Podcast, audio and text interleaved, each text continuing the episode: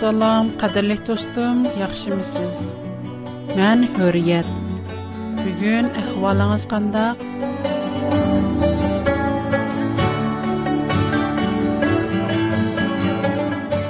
Ötken bir aptınız aldıraşçılık içinde ütüp kettim. Dostlarım her daim, öy, hizmet öy deyip la Nemek için de kaldıraymış bilmeymen. Bu dünyada Adem ölümünü kütüp yaşaydıgan gepken, ama şundak mənisiz deyişir o. Sizin ruhi keyfiyatınız kandakra? рухи Adem ruhi sizimin yukasa, ama mənisiz ruh bilindu. Dostum, Азыр дәл шындақ рухи бұшты құшыды тұрған болсыңыз, келің, программымыздың сіз арзу қылған, тапа алмай алмайуатқан.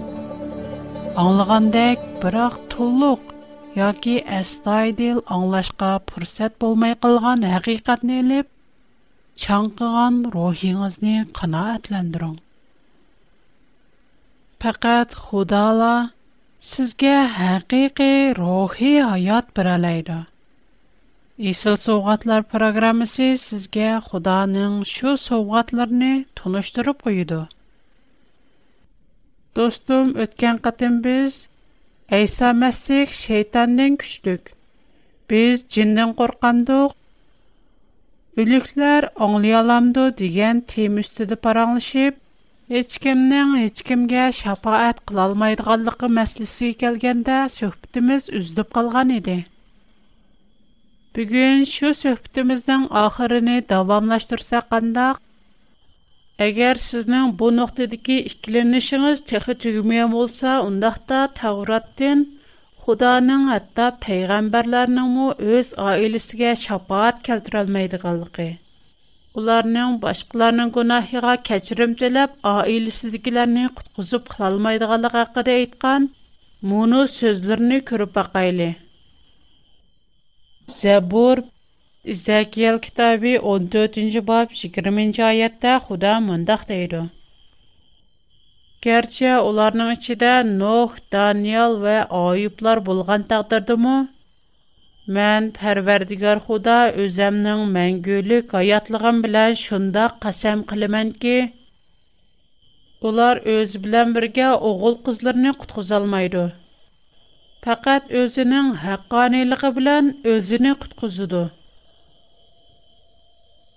hammamizga ma'lum noh daniel va oyiblar xudoning payg'ambarlari xudoning nazarida durust va haqqoniy kishilar Biroq ularning haqqoniyligi butun oilasini, ayoli va bolalarini qutqizolmaydi. Yana shu İzakiyel kitobi 18-bob 2-19-oyatda Xudo yana mundaq deydi: Sizlar nima uchun Isroilida Atsı ton üzüm isə balısının çişini qamabdı dəb təmsil eytislər. yenə, bala nim üçün gunahini qınahini üstü qalmaydı işlər. Oğul duruz və toğru işlərini qılsa, minin barlıq əmir məriblərim qoboysunsa o çoxum hayat qalıdı. Faqat gunoh qilg'uchi u chuqum o'ladi. O'g'il hargiz otasining gunohini ustiga olmaydi. Otmu o'g'lining gunohini ustiga olmaydi. Durus kishilarning haqqoniyati o'ziga, razillarning razil oqibatimi o'ziga mansub. Xudo o'zining ulug'ligi bilan jakarlagan Mana bu bir qator oyatlardan shunisi aniq chiqib turibdiki, har odamning gunohi, haqqoniyati o'ziga. Yana mundaqcha aytganda, buning ma'nosi to'g'rilarning duosi yomon kishilarga naf bermaydi. Tiriklarning duosi mo o'liklarga tigil bo'lmaydi. Ondaq bolmaganda bizning ulug payg'ambarlarimiz o'zining oilasidagilarni, ayoli, bolalarini qutqiza olgan bo'ladi.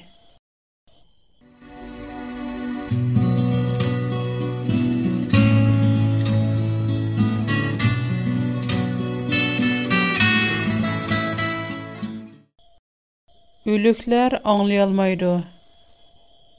Kur'an-Kerim 30. Sure Rum ellik ikkinchi oyat shubhasizki sen o'liklarga so'zingni anglatolmaysan orqasiga qarab yuz o'rigan gazlarg'imi chaqiriqingni anglatolmaysan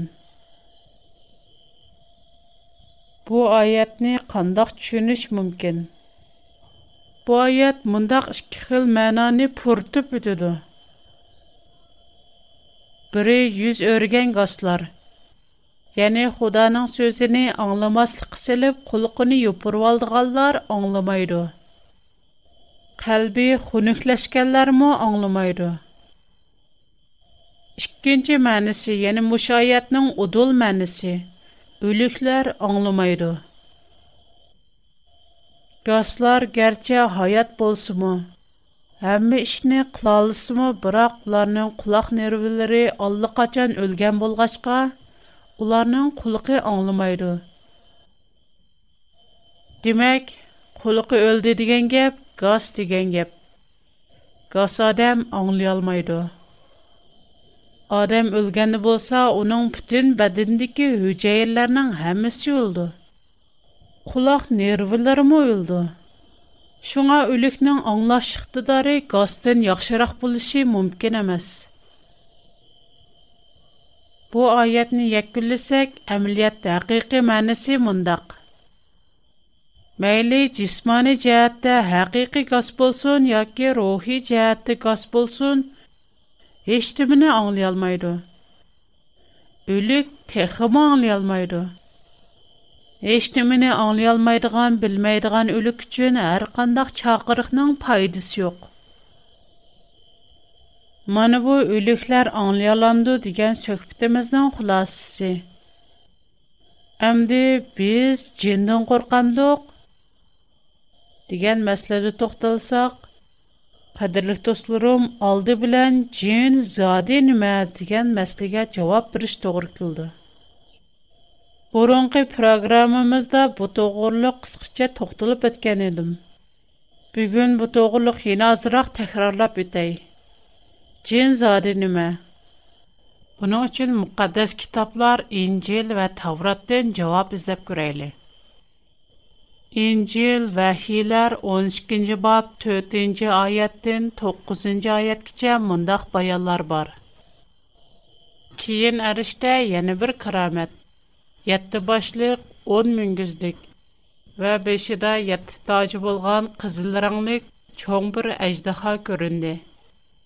У қойруыгы билан көктөги юлдузларнинг 3 тан бирини сўриб, ер юзига туширватди.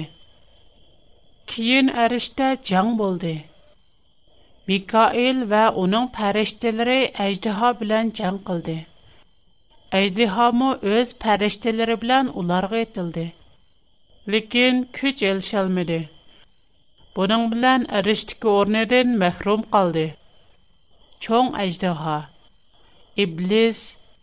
yoki shayton deb ئاتىلىدىغان va butun jahonni ozdirgan ھېلىقى قەدىمىي يىلان farishtalar bilan بىللە yer yuziga ئېتىلدى. Bu oyatda əjdihanın ərişdiki 3 dəmir pərishtini özünə gəşdirib jang qilganligi va keyin mag'lub bo'lib yer yuziga tushib ketganligi yozilgan Şuningdək, əjdihanın haqiqiy ismi to'g'risida Оның адамата Havanidan башлап бүтін дүнияны эзиктурган чоң йылан, şeytan yoki iblis ekanligi aniq aytildi.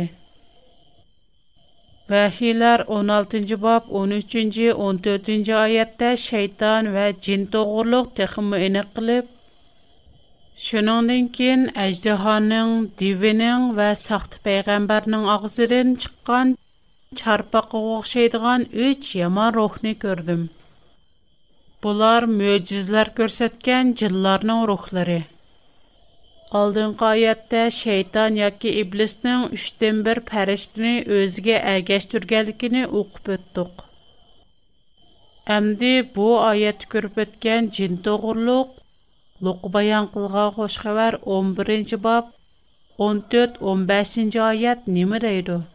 ko'rib boqayli bir kuni hazrati ayso bir odamni gotchi qilib qo'ygan jinni uning chinidan haydab chiqardi shuning bilan gocha zuvoniga keldi ko'pchilik buningga intayin hayron bo'lishdi biroq ba'zi kishilar u jinlarni ularning podshohi bo'lgan shaytonga tayinib bayrivtidu dedi Шуңа мошаяттен эниқ күріп алалаймызки, джин шейтанның қол астыдагы ярдәмчиләр.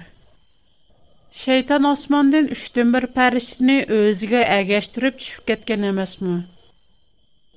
Шуңа мушу үш тәмир пәрішчілер уларнын падшахи болгон шайтандын әр хил yol юрықларын еліп, инсанларны қоқытып, бәзді кішіге зиянкәшлік қылды. Ular əsli pərişti bulğaşqa xəli köp işlərini qılalaydı.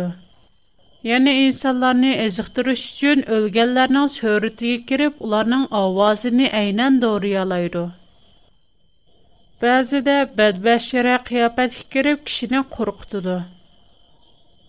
Navada ölüb ketgan birər tunuşingiz, tuqqunungiz to'satdan bir kuni ishik oldingizda paydo bo'lib man shu kishi desa Чуқом бу шайтанның қол астыдагы җиннар, яни фәрештәләр белән берләшеп кылган ише.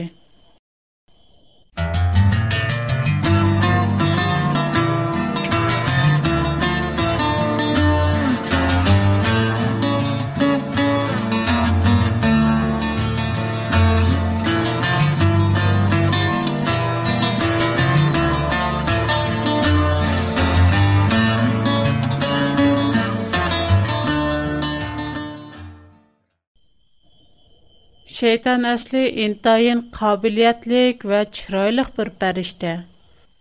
Bunu qandaq bilimiz? Zəbur bunu bizə etib durdu. Ay yuruq tağın çolpını, səhərnin oğlu, sən qandaq ulab düşdün? Sən əsli intayın mükəmməl, əqil parasitin tulub daşqan, bütünləy güzəl edin.'' Sən ilgiri Xudanın bağçısı İran bağda hər xil yaqutlar bilən bizəlgən idin. Sən yaratılğan vaxtında əməllərin durus idi. Keyin sənin haqqaniyyətsizliyin aşkarlandı. Şuna mən sənin müqəddəs çayını bulğğanlığın üçün Xudanın müqəddəs dağından səni heydəb çıxardım. Ey əhdi sandıqını yepib durğucu pəriştə kirub. Сән гүзәл булганлыгың өчен акаурлык кылдың. Шөхрәт белән парастыгыны кардын чыгардың. Мен сине ергә ташлап әттем. Зәбур Яшая 14-нче бап 12-нче аят. Изакиял китабы 28-нче бап 12-нчедән 17-нче аят китә. Көп кишиләрдә шунда коркыныч бар. Адам бәзидә мазарда ялгыз маңганда джин, яни шайтанның кулчымакчысы адамгә зыянкәшлек кылды. Бу хил коркыныч умуми. Без джиннән коркандык. Muqaddas kitobda bizning jindan, ya'ni shaytonning qo'lchimoqchisidan qo'rqmasligimiz haqida mundaq ulgu bor. Нуқу баян қылған қош қабар 8-ci баб 26-дин 34-ci аят кече. Әзірті Айса шағыртлары білән Джәлелия көлінің өчетедікі гирасалықлар тұрған ергі барды. Әзірті Айса қырға қычқышыға шәһәрдің келген жин чаплашқан бірі оның алдығы келді. Бу адам ұзынның бірі өйді турмай қабірстанда ялыңа жүретті. Hazret-i Aysanı körişe bilenler uning ayigiga yiqlab. Uloğ Xudanın oğlı Aysa, şemğarlashma. Meni cezalamaslığığını ötenmen. dep vaqırab ketdi. Uning bundaq diyişinin səbəbi Hazret-i Aysa cinğa uning tənədən çıxışını buyurğan idi. Cin bu adamnı uzun vaqit ilkiğə elib olğan Нәтижеде бу адам көп қатым зәнҗер белән баглап, кишән селеп қамап куйылган булсымы? Зәнҗер кишәләрне үзеп качып чыгып, җин тарафыдан чөл баяваларга элеп кителәтте. Хәзрәт Айса бу адамдан "Исмиң нимә?" дип сорыды. "Исмим Мөңлыган" дип җавап берде бу адамны сөзлетип аткан Чөнки бу адамгә миңлыган җиллар чаплышып алган иде. Улар Хәзрәт Исага үзләренә шайтанга таярланган тиги юк гаңларга сүрген кылмастыкны үтүнеп ялварды. Шу атраптыки тагбарыда чоң бер топ туңгыз батсы утлап йөрәтте. Җиллар Хәзрәт Исага ялварып, туңгыз батсыга кирип китишкә иҗазат беришне таләп кылды. Həzrəti İsa icazət verdi. Cinlər heliq adamın kinidən çıxıb Tunguz badısına çaplışıb aldı.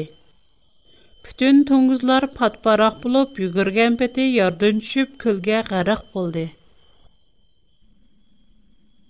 9-cu bab 37-dən 42-ci ayətçə yana mındaq ulgu var. Әтсі, Хәзірті Әйса үч шәкірті білән білә тағдын түшкән вақтыда нұрғын кішілер оны қаршы алғылы чықты. Топның ішіден бірейлән тұйықсыз вақырап. Ұстаз, оғлымға көңіл білгейсіз, о бірлі бал еді. Оныңға даим бір жинчаплыш біліп, өзічіла вақырап, жақарап кетеді. Bəzidə bütün bədəni tartışıb qılıb ağzından ağ köpük çıxıdı. Cin onu daim qiynab aram verməydi. Şagirdlərinizdən bu cinni hayda ötüşni ötünüb sorusamı, ular amal qılalmadı, dedi. Sizlər nimançı imansız və çirik.'' Мән силәр белән биллә булып, силәрнең яна ла моңа ишенмәгәнлекләргә яна качангыча бердашлык бирәләймен. Диде Хәзрәт Айса. Анда нелеке кешегә. Балагны элеп кел. Диде. Бала килеп атканда джин уни ергә кытып, бүтән бәдәненә тартыштырып әтте. Бирақ Хәзрәт Айса джинне һәйдәп, балыны сакайтты. va uni otishiga topshirib berdi ko'pchilik xudoning kuch qudratiga hayron qilishdi mana bu ikki misol bizga jindan qo'rqmaslik to'g'risida o'gitidi Программа ахырда достумга адресимни дәп бермәкчмен. Әгәр мен белән алакалашышны халысыңыз, каләм ва кәгазь таярлап койсаңыз, Программа ахырыда адресымны хатырлы болалайсыз. Шайтан мәйлі қанчылы күштік болмысын, пәкәт бізнің худағы болған итқадымыз мұстәккен болса. Худаның Айса Мәсіх арқылық бізгі берген құрбалықыға таянсақ. Айса Мәсіхнің құдырты кешенсек, жиллар вә шайтан бізні бозақ қылалмайды. bizmi ulardan qo'rqmaymiz chunki ayso masih bu to'g'rida bizga mundoq va'da bergan quloq silinglar man sizlarga yilon chayondek shaytonni oyoq ostinglarda yonchib oladigan amal qilolmadi sizlar nimoncha imonsiz va chirik Мән силәр белән биллә булып, силәрнең яна ла моңа ишенмәгәнлекләргә яна качангыча бардашлык бер алаймын. Диде Хәзрәт Айса. Анда нәлеге кешегә. Балагны элеп кел. Бала килеватканда джин уни ергә кытып, бүтән бәдәненә тартыштырып әтте. Бирақ Хәзрәт Айса джинне һәйдәп, балыны сакайтты. va uni otishiga topshirib berdi ko'pchilik xudoning kuch qudratiga hayron qilishdi mana bu ikki misol bizga jindan qo'rqmaslik to'g'risida o'gitidi shayton mayli qanchalik kuchlik bo'lmasin faqat bizning xudoga bo'lgan e'tiqodimiz mustahkam bo'lsa xudoning ayso masih orqali bizga bergan qurbonligiga tayansak Әйса Мәсіхнің құдырты ішенсек, жиллар вә шайтан бізні боза қылалмайды. Бізмі олардың қорқмаймыз. Чүнкі Әйса Мәсіх бұ тоғырда бізге мұндақ вәді бәрген. Құлақ селіңлар. Мән сілерге елан чаяндек шайтанны аяқ астыңларда янчып ташлай алайдыған. Оның барлық күш құдыртыны бесіп түшідіған құдырет бәрдім. sizlarga hech qandaq narsa ziyon yetkazolmaydi injil luqi bayon qilgan xush xabar o'ninchi bob o'n to'qqizinchi oyat hozirgacha mening nomim bilan hech nima tilamadinglar әмді тілаңлар, ерішсілер.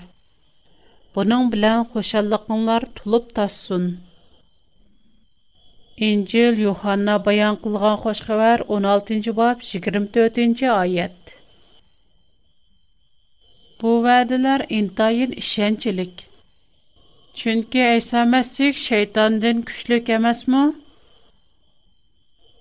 Əməliyyatda bu vədəyə biz allaqaçan erişkən. İsa Məsih ölüb, terilib, asmanğa çıxıb getkəndən keyin Оның мұртлары onun varisi бойынша jillarni айдап, kesallarni saqaytdi. İncil Hazreti İsa elçilərinin fəaliyyətləri 5-ci bab 12-dən 16-cı ayətəcə elçilərinin yaratqan möcüzələri toğruluq mında xatırlanğan. Elçilər xalq içində nurgun möcüzə və karamətlərini göstərdi. Барлык этикадчылар мәркәзи ибадатханәдәге Сулайман пешайвенендә даим җәм булатты. Яратылган мөҗизеләр сәбәбедән хәхләр кисәл кешеләрне кочыларга элеп чыгып, көрпә зәмбилләргә яткызып куятты. Улар Петрос yoldan o'tganda kasallarga qo'lini tekkizmasmi hech bo'lmaganda soyisi tushib saqayib ketsin deb o'ylaydi Yəni топ-топ kişilər Yerusalim yenidəki şəhər yezlərdən kisəllərini və cin çaplışıb olğan kişilərini elib gəlirdi. Onların hamısı saqıyıb qayıtışatdı. Şuna bizdə Xudanın gözəl vədisi var. Faqat Xudağa və Xudanın vədisinə tayansaq, cin və şeytan bizə hər giz Ашу davrdagi murtlar erishgan qobiliyatga bizmu Xudoning va'dasiga tayinib, ishonchimiz orqali erisha olamiz. Biz Xudoga tayinib, Aysoning nomi bilan jinlarni bo'ysundira olamiz. Qur'on Karim 3-sura Al-Imron 55-oyatda Öz vaqtida Alloh aytdi: "Ey Aysa, Мән сене қабзи рух қылымен. Сене дәргахимға көтірмен. Саңа әгешкәлләрні қиямет кіче кәпірлардың үштін қылымен. Шуңа бізді қорқыныш жоқ. Чүнке Иса Мәсік әм шейтанны, әм үлімні еңген. Навада қабристаллықта елғыз меніп қылған болсыңыз, қадылық достым, әргіз әнсірмің. Hazırgıça minin namen bilen hiç nime tilimidinlar. Əmdi tilanlar, erişsizlər. Bunun bilen xoşallıqınlar tulub taşsun. Bu vədə sizgə və mına hər birimizgə berilgan. Bu vədəgə tayiniş tayanmaslıq özümüzdən qolıdır. ھېچقايسىمىز قورقۇنچ، قايغۇ ھەسرەت بىلەن ئۆمرىمىزنى بىر كۈنمۇ ئۇزارتالمايمىز. مۇشۇ چەكلىك ھاياتىمىزدا ئۆزىمىزدە بار بولغان شۇ ۋەدىلەرگە تايىنىپ ishonch iymon va e'tiqod orqali barliq to'salg'ilarni buzib tashlayli bo'libmi hayotimizdagi eng cho'ng to'salg'i bo'lgan jindan qo'rqish vahimasi Ülülikler, ângle almaydu we bilmeydu. Бүген ке программамны без мәс бердә аяклашты. Икләр кыtımлы программада кадрлык юз белән қызғын yüz күрешне, хат тапшырулышне үміт кыламан. Программамны мәс дә мәхсеттәй көччилек достырмга Худаның сөзенә туныштырып койыш. Шунאַкна təşna qəlblərə ishonch tasalli umid ato qilish agar manga xat yozishni xohlasangiz mening to'r adresim uriyat at bigfoot dot com qayt takrorlay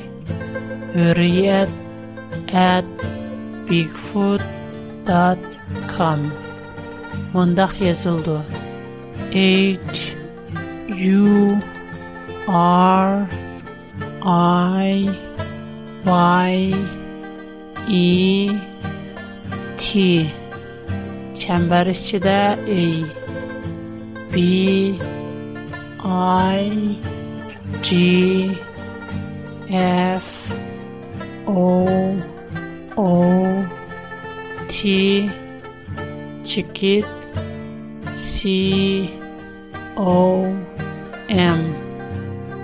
Менә бу минем тора дирсем. Минем хат беренче курга. A W R Булар чоң язылды. Икенче курга чоң P чике чоң о, чике чоң B кичик O Чик 2 on Астын хурга Чон H Чик O Чик N Чик G Чон K Чик O Чик N Чик G Кайтоп үтәй Менә хата дәрсем A W R P O Box 310 P O Box 310 Hong Kong Менің қазірше қатадырсым Шанған Юджин Зунджи Шишан 310 номер. Әгәр сез мұшы адрес хат язсаңыз, мен хатларыңызны тапшырып алалаймын. Яна онондан білек сіз uyg'urcha hanzucha yoki inglizcha xat yozsangiz man o'xshashda topshira olalayman yana shu adresni qayta dab beray shangan yujin zunji shishan uch yuz o'ninchi nomer shangan yujin zunji shishan uch yuz o'ninchi nomer oxirida barliq do'stlarimning tiniga salomatlik ishlariga utuq tilayman xo'sh xudoga omonat xushvaqt bo'linglar